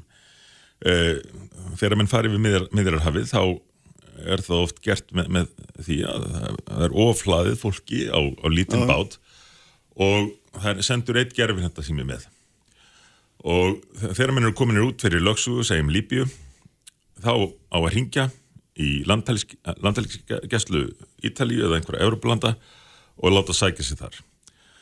Og þá er komin upp þessi sérkynlega staða að Európulöndin eru komin á vissanhátt í samstarf við glæpahópana sem er að selja þessar ferðir. En að stefnan á eins og, eins og flokksfélagar loga í Danmörku er, er að færa sín á að, að vera til þess fallin að beina fólki í örugu löglegu leiðina. Ekki að íta undir að það komi hættuföru og borgi glæpagengum. Mm, Lógi, sá þú hristir hausinn þetta mikið? Já, mér finnst bara eiginlega hálf dapurt ef það á að fara einhvern veginn að nálgast umræðan út frá þessu að, að hræða fólk með þessum hætti. Ég meina, auðvitað þarf að taka á því þegar hér spretta upp glæpápar, hvort sem eru innlendir eða erlendir. Og við ættum nú kannski bara að viðurkenna það með því að þingið samþykja nú bara meiri fjárheimildi til lögruglu að minnstakosti til þess að mæta sagt, nýjum lögum í styttingu vinnuviku, vinnuviku. Það, eru, það, eru, það eru færri lögreglumir hér í landinu núna heldur en voru fyrir tíu árum. Þannig að það þarf að gera það sko. En, en það verður ekki gert með því að ala á tortregni, ég bendi nú á það að menn auðvitað finna leiðir allstaðar til þess að hérna, fara fram hjá lögunum. Og það einskorast ekki við þennan málflokk ég meina hann talaði um vandan sem hann upplifði og las um þegar hann bjóð í Danmörku. Ég bjóð í mörg ár í Nóri þar sem er mjög mikið af innflytjendum. Það var auðvitað fyldi þessu bara töluverð hérna töluverð áskorun. En það var ekkit meiri vandi af þessu fólki heldur en bara norðmörunum sjálfum og ef eitthvað er held ég að þetta hafi nú gert uh, norsk þjóðlíf og menningu bara miklu skemmtilegra, maður gæti allavega að fara að hafa góðan mat þarna. Þannig að hérna ég held að sko við höfum líka að, að hérna horfa á það gleðilega, ég las það í morgun að það var rúmensk stelpa sem kom hérna fyrir fimm árun síðan og talaði ekki íslensku sem var að dúksa á verkmennskólanum Akkurir ég var að lesa um aðra í morgun í morgunblæðinu sem að hérna er frá Keni og er, er hérna þú veist, að vinna sig upp sem flott merki í fatahönnu. Þetta fólk náttúrulega gæðir uh, okkar hérna samfélag miklu lífi og við skulum ekki gleyma því heldur að uh, erlend fólk hefur borið upp í hagvöxtin hérna síðustu árin. Þannig að sko bara gjörum svo vel og tölum um bæði jákvæðu hliðarnar á þessu um leið og við ræðum auðvitað hvað við þurfum að gera til þess að taka á vandamálum sem spretta upp. En þú, þú sérst hafnar því algjörlega þarna í Danmörku sé verið að byggja einhverju reynslurökum og þetta sé bara sérst ódýrar atkvæða við það það er raun og verið þess, það sem þú ætti að segja. Nei, ég meina vissulega hefur verið hérna, vissulega hefur það verið mikil áskorun fyrir Dani að uh, hérna, taka á móti fólki sem er í algjöru neyð og við erum auðvitað bara skuldbundin alþjóða samningum til að gera það En já, ég held að þarna hafi engungu verið um að ræða mjög umgunavert pólitísk triks. Mm, mm. Finnst þér sem við eigum eitthvað megin að, hérna, að fara þessa leið? Er, er, það að, er það þess vegna sem þú kemur upp á þinginu og spyrð og þú vil líta hérna, okkur í einhvern svipaðan farvega eitthvað? Já, já, með því að fara þessa leið á ég við að beina hælisleitundum, flottamönnum mm. inn í hefur örga og lögformlega kerfi. En umræðan fer yfirlega út í einhvað allt annað eins og hjá loga núna. Sko, fyrir að tala um, um útlendinga sem hafa náð hér árangri. Og, og það eng, efast engin um að, að útlendingar getur komið til Íslands og annara landa og, og náð þar miklum árangri og, og það sé gríðalega jákvægt það er bara um allan, allan heim núna eins og heim, heimurinn orðin, orðin tengdur að fólk fer á milli landa og döglegt fólk það er mikill fengur af því að, að fá það til hvers lands eins og, eins og Ísland. En, en þetta snýst ekkit um útlendinga eh, eða Íslendinga sérstaklega eða, eða komið vekk fyrir að útlendingar komið til Íslands. Þetta snýst um að kerfi hælisleitenda virki. Og það er ekki að virka á Íslandi núna. Flottamannavandin mun bara vaksa næstu árin og ára tugina og við þurfum að vera undir það búin Það er ekki bara betra að segja neyð fólksmun vaksa í staðin fyrir að tala um flóttamanna vanda ég meina þetta er bara neyð fólk í, í sko ömulegum aðstæðan sem er að bjarga lífi sín er ekki eðlir að horfa á Þú, þannig þú getur hvað? orðað þannig, neymun vaksa, eh, vissulega, það, það, það er saman hlutur, en þetta er vandi, þetta er vandi mhm. að fást við hvernig við tökum á þessari neyð. Og svo aðferð sem hefur verið notuð hefur ekki verið til þess fallin að hjálpa fyrst og fremst þeim sem þurfa mest á hjálpin að halda. Aðferðin sem höfum notað hefur búið til glöfur, jafnvel opnun fyrir misnótkun kerfisins. Þannig að við eigum að eins og Danir er að reyna að gera að, að koma hér upp kerfi þar sem við getum sjálfhaft stjórn á því hverjum við bjóðum til landsins og bjóða fyrst og fremst því fólki sem að á ekki aftur kvæmt heim til sín og þarf mest á aðstóðin að halda. En eins og þetta er núna þá eru sexfalt fleiri hlutastlega að sækja um hæli á Íslandi en í Danmörku og Nóri og það er bara vegna þeirra skilabóða sem íslensk stjórnvöld senda frá sér og þeirra skilabóða sem dönsk stjórnvöld senda frá sér. Og, og þetta mun bara halda áfram að vaksa með þessum hætti þar sem við munum ekki hafa stjórn á aðstæðan að og það bitnar á, Já. hverjum bitnar á? Það bitnar á þeim sem þurfa mest á hjálpina að halda. En er, er, finnst þér þessi tala þá, þessi hlutfarslega tala sem er ekki reynd tala, er hún þá orðin alltaf há eða hvað? mér finnst það mjög allavega áhugavert skulum við segja að, að hælisumsóknir sé allt í einu orðna hlutvarslega margkvælt fleiri á Íslandin í Núri og Danmörku fyrir fáinum árum uh, var, það þveröfugt vegna þess að veit, Ísland er, er eiga og menn þurfa að fara í gegnum önnu lönd til þess að komast hingað og hvers vegna e- e- hefur þetta gerst? Jú, eins og ég sagði á hann, vegna þeirra skilabóða sem íslensk stjórnvöld hafa sendt út og þess regluverk sem er hér. Þannig að nú er jafnvel fólk sem er búið að fá hæli í Evróplöndum farið að leita til Íslands af því að hér er meiri þjónusta, uh, meira fjármagn í bóði. Uh, og, og það mun bara halda áfram að þróast í þá átt Og það finnst þér erfiðara fyrir að, að hjálpa þeim sem þurfa að það, hjálpa fin- það finnst þér vera slæm þróun svo að það, þeim, því muni fjölga.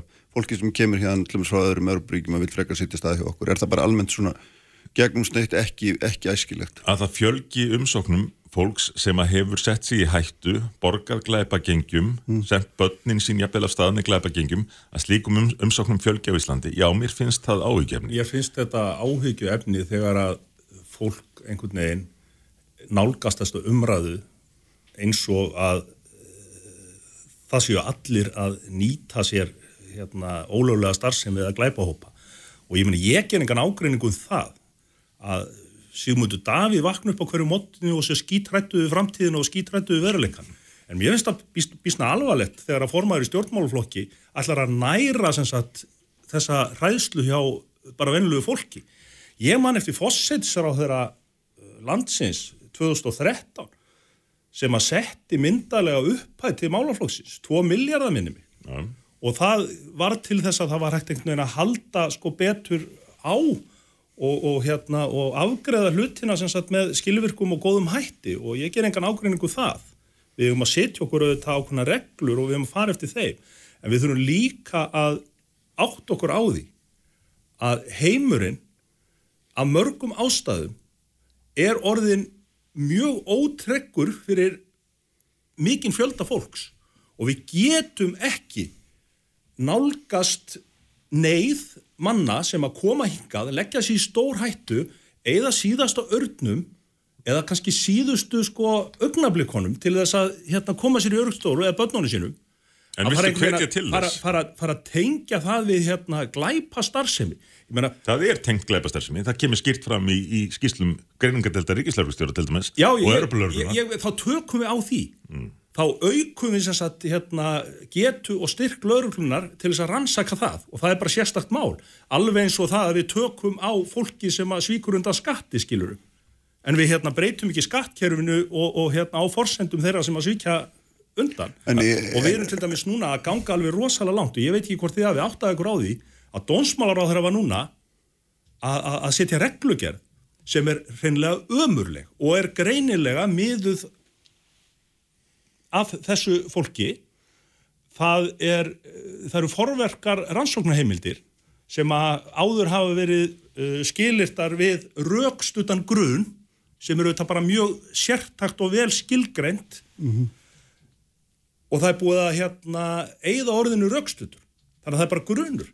Þannig að lauruglan hefur þá heimildi núna til þess að byggja bara á munnmælasögum eða kjaftasögum. Og hvert getur það svo leitt okkur á endan ég meina, við þurfum að Þegar gera að, í, í hvaða nákvæmlega málaflokki er, það, er, er, þetta ég, ég, ég meina, það, það getur verið í öllu sko. Já, já, já. en ég þessi hysteria hins vegar hún er fann að rek okkur í bara mjög slæma átt sko. Mhm. og þegar að hérna, umræðan er nærð svona endalust eins og hjá Sigmundi Daví núna á því að tengja þetta blessaða fólk allt við glæpi og glæpahópa þá er bara tilgangurinn einfallega sá að tortryggja Sko, og hræða Logi, þetta er það þetta er stórt sko, þetta er auðvitað það sem að Sigmundur kann, hann kann að spila á tilfinningar fólks, en ég ætla að beða hann að fara að, að, hérna, gera út á betri tilfinningar okkar en ekki þær vestu. Já, leiðum þetta að svara Sko, Logi, þú, þú talar um að ég sé að tengja þetta við glæpastarfsemi. Það er ekki ég sem er að gera það. Það, það er bara staðrind málsins. eins og þú ætti nú að lesa skýrslu til dæmis greiningadetta Ég hef gert það. Hefur þú gert það? Þar, það er bara rauður þráður gegnum þessar skýslur með hvaða hætti uh, fólk í neyð er misnotað af glæpamönnum og ef við bara ákveðum að líta fram hjá því þá leysum við ekki þetta stóra vandamál. Þetta er nefnilega gríðarlega stórt vandamál og vandamál sem er bara að vaksa. Þú nefndir réttilega að við höfum á sínum tíma í ríkistjónin og ég laði mikla áherslu á það. Sett verulegt fjármagn í að aðstóða flóttamenn. En það var gert með þeim hætti að áhersla er þið lögð á að fjármagnið nýttist sem best. Þetta væri heilstæð áhaldun. Við myndum taka á móti fólki sem við byggðum hingað, við myndum aðstóða í flottamannabúðunum á, á vettvangi og við, við myndum gera kerfið eh, skilvirkara. Allt þetta þarf að haldast í hendur því að ef menn bara ákveða að auglýsa Ísland sem áfangastað þá munu þessi gengi, þessi stórhættilegu gengi selja fólki Ísland sem áfangastað og senda það í för þar sem að fólk getur dáið á miðarðarhafinu eða einhver starf annar staðar eða verið misnotað eða verið se- sett í, í uh, mannsal Já, hvað ánauð. viltu þó gera? Segðu mér það. Ég vil, ég vil gera eins og flokksfélaga þínir í Danmörkur eru búin að átta sig á koma að skikja á þetta þannig að við getum bóðið fólki að koma hingað á örugan og lögformlegan hátt En þá ertu líka að segja það ekki að landi sér loka fyrir öðrum en þeim sem við bjóðum. Af því að það eru skilabóð jafnamannan í.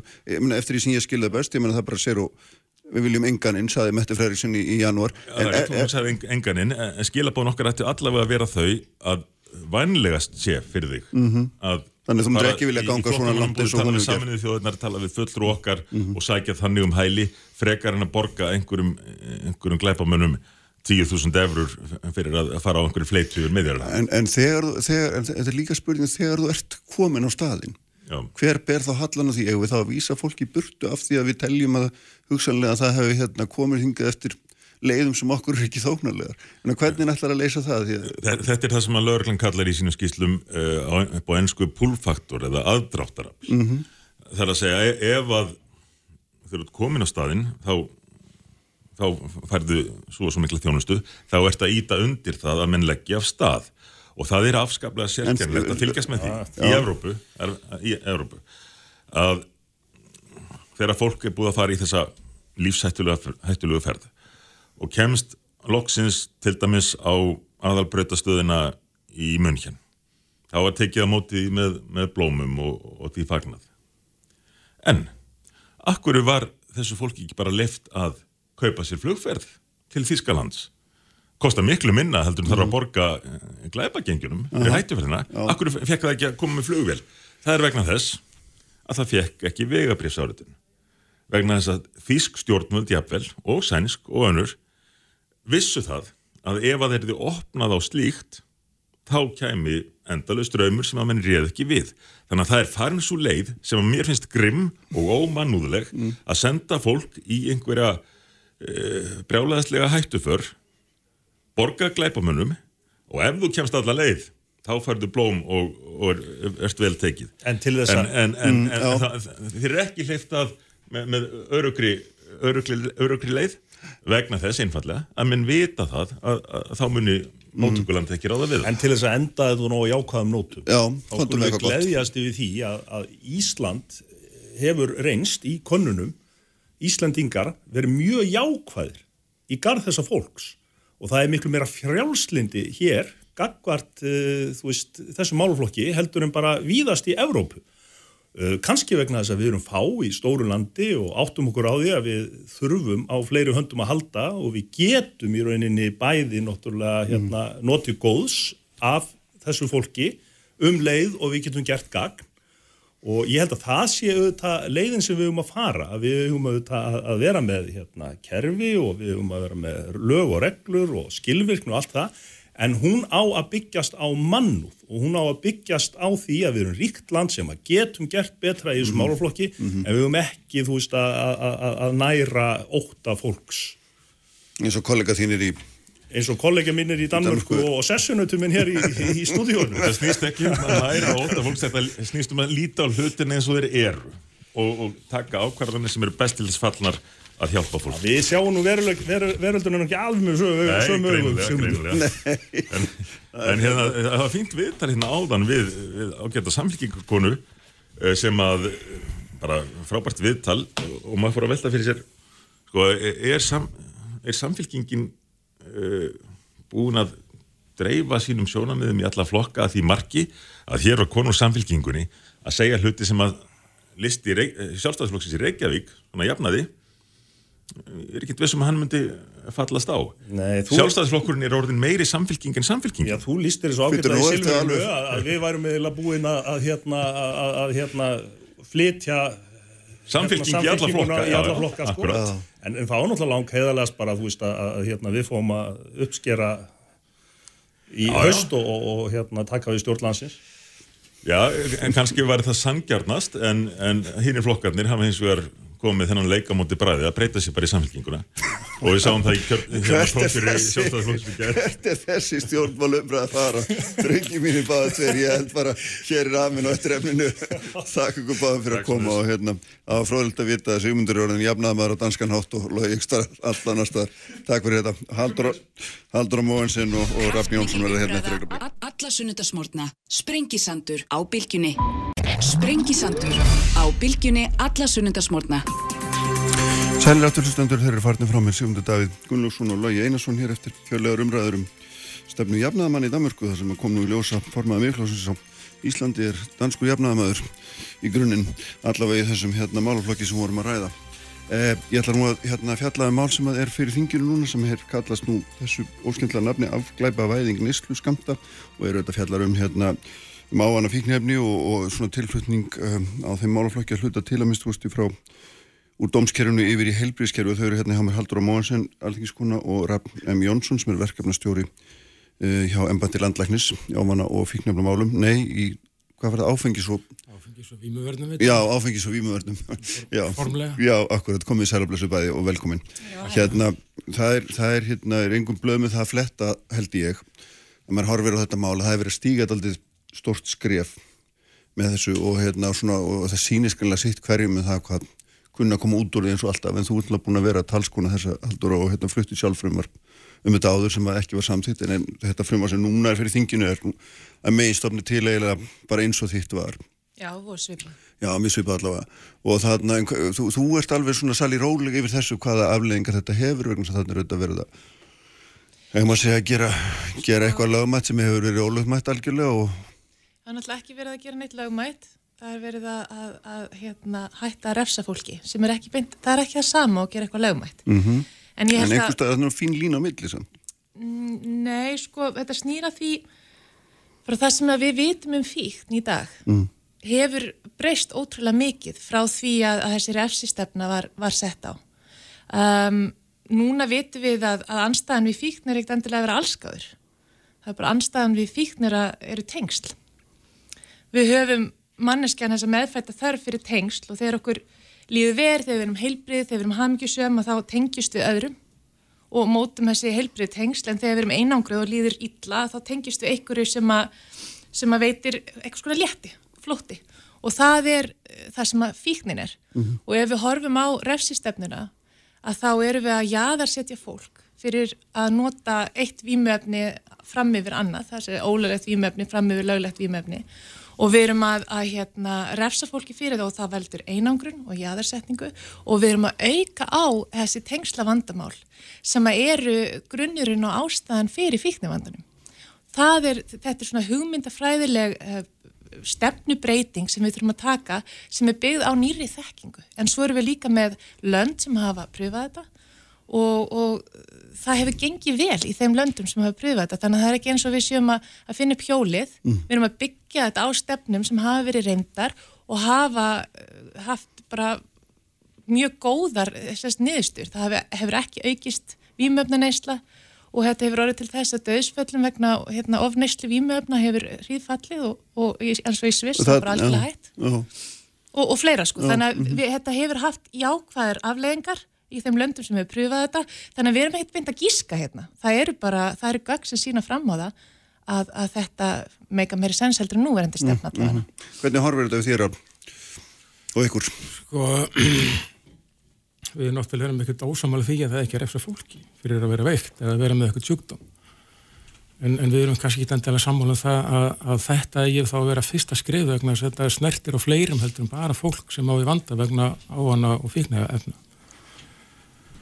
Að mögulega erum við þá að opna fyrir einhverja svona skilabóð sem er ekkert endilega ætlu skilabóð að þetta sé nú allt í lægi að því að þetta er ekki ólulegt að vera með á sér eða nota þó efnið verði áfram ólulegt.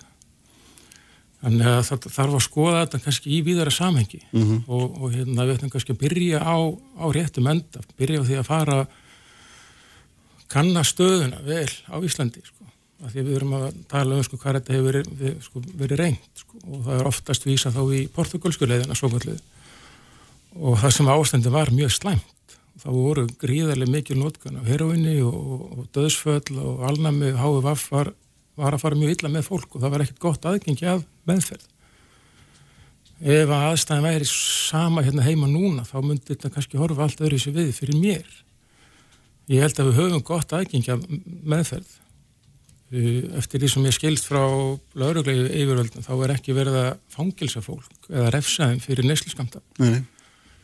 Þannig að við ættum kannski fyrst og fremst að fara í það að, að sko, uppfæra þessa stefnu sem er ann út að síðast á ári og, og hérna, fara í stefnumótun bæði með löggjastlunni og með helbriðsjöfumöldum og ekki síður félagsmáli eða félagsjónustu því að þetta snertir fleiri fleitir heldur en bara helbriðskjörið. Mm. Og út frá því að það meta aðstöðun að meta tækifærin og, og þetta krefst líka aukins fjármags. Lögreglan er með fjárskort, meðfyrirkerfi er með fjárskort, forvarnir er með fjárskort. Þannig að stíga þetta skref mögulega veist, á nokkur mótvæðis aðgerð, það gerir Mm. kannski mögulega erfiðara. Mhm. Hvernig svarar það? það Er, það er kannski það sem vantar Aha, já. í þessar tillögur, það er að við förum í þessa vinnu samhliða. Já, sem reyndar ef maður fer að lesa til þetta í Portugal var mjög mikil áherslu að lögða þessu svona, ef maður kalla svona hliðar ástafanir einhver svona félagsli úrræði, heilbriðsúrræði og svo framvis um leið og þeir tóku þetta skrefum svipað við og við ætlum að taka Já, ég, ég, ég get alveg verið sammála flestu því sem að Rapp segir. Mhm. Auðvitað á að setja miklu meiri fjármagn í forvarnir og, og, En hvað ef það er ekki gert eins og, eins og nú er það ágætt að gera Það er frumvarpinu er ekki talað um það allavega Nei, en, en, en það er alveg hægt að til dæmis í frumvarpinu okkar, Pírata, Mhm. að, að þá var það eftir meðferðina inn í velferðinemnda. Þá komum við með í breytingatillögunum bara kaplaða sem við settum inn og töluðum um, um að það þyrfti að fylgjast með árangra og, mögulegri sko, mögulegum spartna í refsiverslukerfinu og beina því fjármagni í helbriðskerfi, í forvarnastarf og annað. Og ég held að það sé alveg eitthvað sem við getum gert til dæmis með, með frumvarpi, frumvarp heilbriðsráður að koma því þarna fyrir og ég er alveg sammála því, sko, það, frumvarpi á ekki taka gildi fyrir um fyrsta januar. Það var í raun og verið nóg tími til þess að fara í þessa vinnu í, hérna, til þess að búa til nýja stefnu, því að það er alveg rétt, þessi forvarnastefna, hún rann út og við getum alveg, um, höfum tíma til að gera nýja stefnu. En mér finnst eitt ekki útiloka annað, út af því að að segja það að við getum ekki afglepa eitt vörslu neysluskamta án þess að vera búið að gull tryggja hérna, stór auki fjármagn í meðferðarúræði og, og forvarnarstarf það er segja, það er eins og þú sérst að segja það að með því að afgleipa það neyslu skamta þá verði sjálfkrafa aukning í eitthvað svona výmöfnanótkun sem við þurfum að, að, að hérna, ráða við með forverðnum og öðru.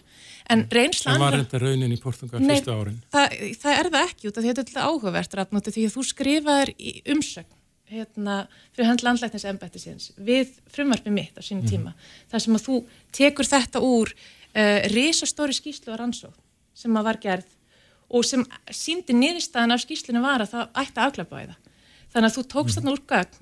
Það var aukning í Portugal, já en það var aukning út um alla Evrópa á nákvæmlega sama tíma þannig að það var ekkert bara Portugal það var aukning út um allt og það var meðal annars aukning hérna á Íslandi líka, daldi mikil og það er það þrátt fyrir það að hérna er allt ólælegt og, og, og, og refsingar og allt saman Það um, var ekki verið meðal grunnskólabarna á Íslanda á þessum tíma. Nei, en sko það sem að kom í ljós í þessari skýslu er að vímöfna neysla, hún er minni en að meðaltali í Evrópi í Portugal. Vímöfna neysla minkaði í aldurshopnum 15-24 ára. Mm -hmm. HIVAF, bergla, livrabólga, BOC, smitt og döðsfell að völdum vímöfnum fjallu. Um, svipa gerist í Sviss, það er bara döðsfell að völdum ofskamt að hurfi alveg.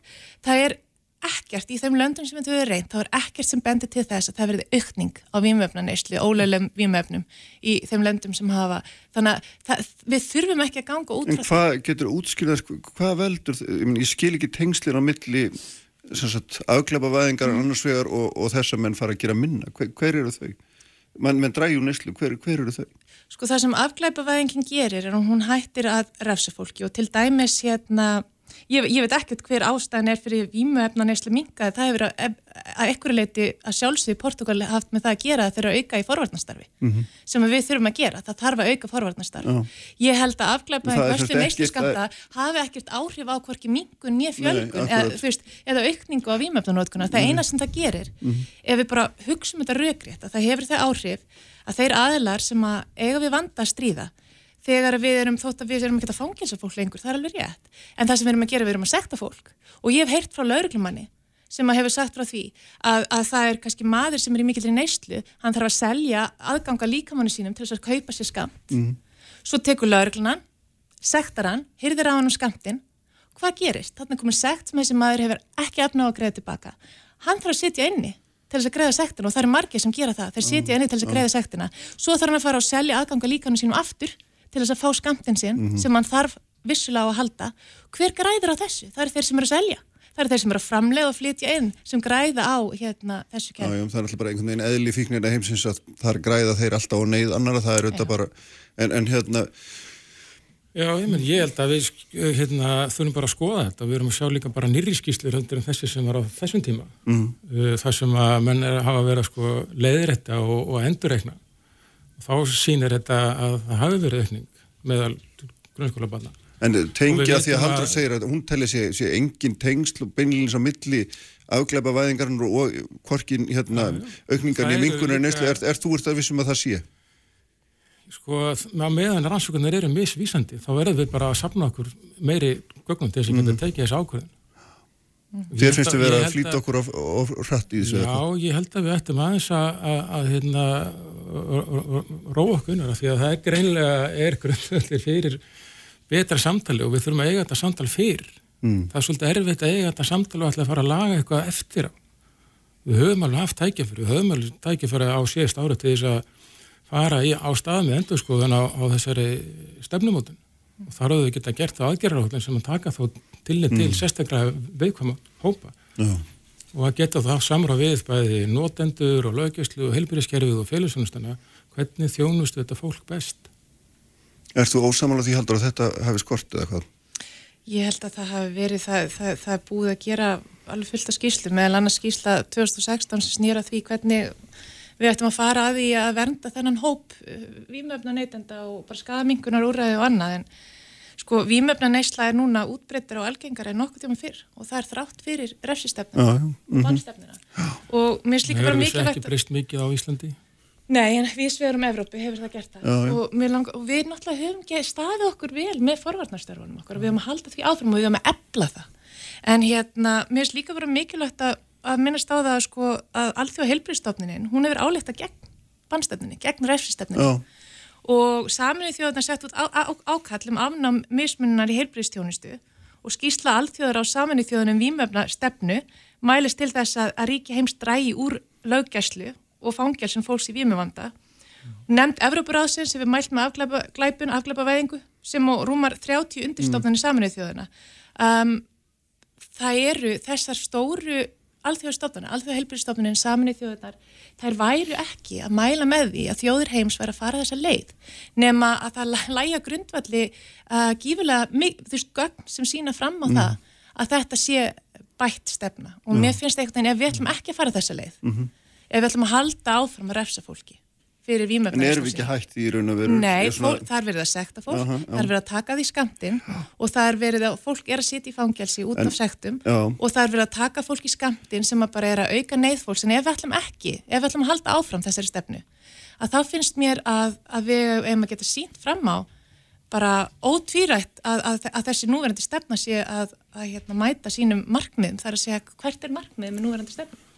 En við þurfum líka sko að það að við erum líka með fólk sem er að nota og er, er ekki í vanda. Já. Það er mögulega fólk sem er þá að dreifa eða að selja. Nei, nei, ég er ekkert að segja það. En ég, menna, ég hef talað við bæði höfundan af þessari portugalskuleið sem Mm. segir nú að afklapaðingin einu sér. Hún mögulega gerir ástandi verra. Mm.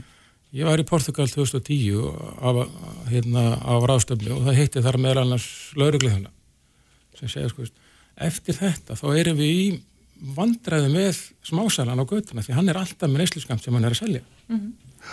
Já, Það er ekkert tekið á þessu í þessari tilög. Nei, nei, en það er sko líka línan á milli þeirra sem eru að selja og þeirra sem eru að neyta er mjög þunn, sko. Hún er það. Það er bara oft eru þeir sem eru að selja eitthvað svona sm- smáttur í smáskamtinu, nú er ekki að tala um heilsalana, heldur bara smásöluna á götunni. Þetta eru oft aðla sem eiga líka við fíknivanda að stríða og eru í gífilega mikillri neyð og eru oft bara fjármagn en, einn en, en, en hérna, Halldóra, þegar, þegar við erum að tala um þetta þannig að hlýtur alltaf, og ég veit að tíminn er kannski ekki mjög langur, en, en, en staðan er alltaf mjög flóki að eiga við þetta að því að, að því að efnið er í sjálfu sér ólöglegt. Þú Mhm. getur verið 16 ára með tíu daga skamt af einhverju dópi en mátt ekki drekka bjór, skilur, það er, það er hérna, gæti verið staðan. Mhm. Og hvernig nefnum að höndla þetta þegar að efnið er framleitt með ólumættum hætti, það er flutt með ólumættum hætti, það er fjármagna með ólumættum hætti, hagnaðurinn að því er notaður í aðra glæpastar sem minn, það er einhver lína þarna á milli sem er mér svona aðeins erfitt að átta með hvað liggur. þetta er, veist, um, um, um leiðu þú horfir bara á undirlikjandi hugmyndafræðina. Það er að segja það, erum við að gera gagn með því að refsa fólki? Svarið er nei. Við vitum að það er nei, gagnin sína að það er nei, við erum ekki að hjálpa fólki sem á miklum vímefna vanda stríða, við erum ekki að hjálpa þeim, þau eru ekki að hætta í vímefna neyslu með því að taka þeim skamtin, við erum að íta þeim, við erum að jaðasetja þeim meira, við erum að íta þeim í frekar glæpi, í vændi og annað til þess að fjármagna og, og aukinni sölu til þess að fjármagna sína fíkn. Um, þannig að nei, við erum ekki að aðstóða þarna og, og fólk sem á ekki við vímefna vanda stríða við erum heldur, af hverju þurfum við að refsa þeim veist, það, það kemur ofta eitthvað svona rauk á móti að þeir sem að eru eiga ekki við vanda að stríða við einhvern veginn halda áfram að refsa þeim. Við vitum það, vísindin segja okkur það, gögnin segja okkur það að refsingar í vímefnamálum hafa engin áhrif á, á sem sagt, hérna, nótkun vímefna það bara, þetta virkar ekki, þannig Nei, að akkur erum við að gera þetta áfram? En það er náttúrulega þekkt, War on Drugs er náttúrulega miðhefnasta stríð hérna allra tíma. Nefn á Íslandi, við fórum í þetta stríð 98, Ísland á neytilifja.